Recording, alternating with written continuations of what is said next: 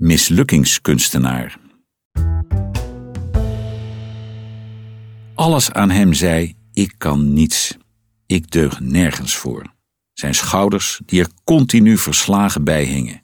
Zijn vormeloze truien, onveranderlijk van het soort dat al na één wasbeurt begon te pluizen. En het erge was, hij had gelijk. Mislukken was zijn enige talent. Hij heette Boelan.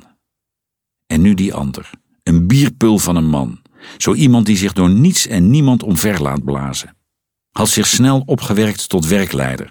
En als iemand in die functie op zijn plek was, dan was hij het. Niet alleen vanwege die onverzettelijkheid, ook, misschien vooral, omdat hij oog had voor zijn mensen. Hij keek. Hij heette André. Ik was erbij toen André Boelan voor het eerst meemaakte. André was die dag begonnen bij de inpakafdeling en ik wilde even kijken hoe het ging. Best, zei André, maar meteen daarop wees hij naar Boelan. Waarom zit die man hier?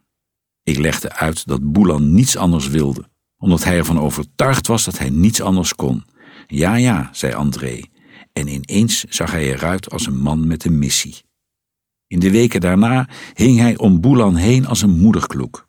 Hij prees hem de hemel in als hij zijn gewone dagquotum had gehaald. Trakteerde hem te pas en te onpas op koffie en vroeg hem de oren van het lijf. Was niet helemaal zo dat Boelan transformeerde onder al die aandacht, maar een beetje opbloeien deed hij wel. Gaandeweg kreeg André een beeld van de oorsprong van Boelans mislukkingskunst. Vader twee keer failliet en nooit meer dezelfde. Moeder dik gegeten van de verbittering. Allebei zo bezig met zichzelf dat ze niet doorhadden dat Boelan moeite had met school. En toen ze het dan eindelijk in de gaten kregen, zei zijn moeder: Net je vader, jij kan ook al niks. Zijn vader zweeg. Wat zou je willen? vroeg André hem op een dag. Hoezo? Ik kan toch niets? was het voorspelbare antwoord. Weet je, ik ken je inmiddels een beetje en daar geloof ik dus helemaal niks van, zei André. Hij zette zijn campagne voort en kreeg Boelan zowaar zover om een stagetraject af te leggen bij de schoonmaakafdeling. Maar toen kwam de grote tegenslag. Boelan bleek niet goed genoeg te kunnen lezen om zijn veiligheidscertificaat te halen. Zie je wel, zei Boelan. Maar André gaf niet op. Hij kreeg geregeld dat Boelan het examen mondeling mocht doen.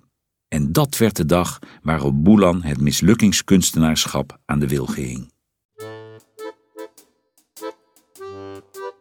Hij droeg nog steeds een vormeloze trui, maar zijn schouders hingen ineens een stukje minder. Hij was geslaagd.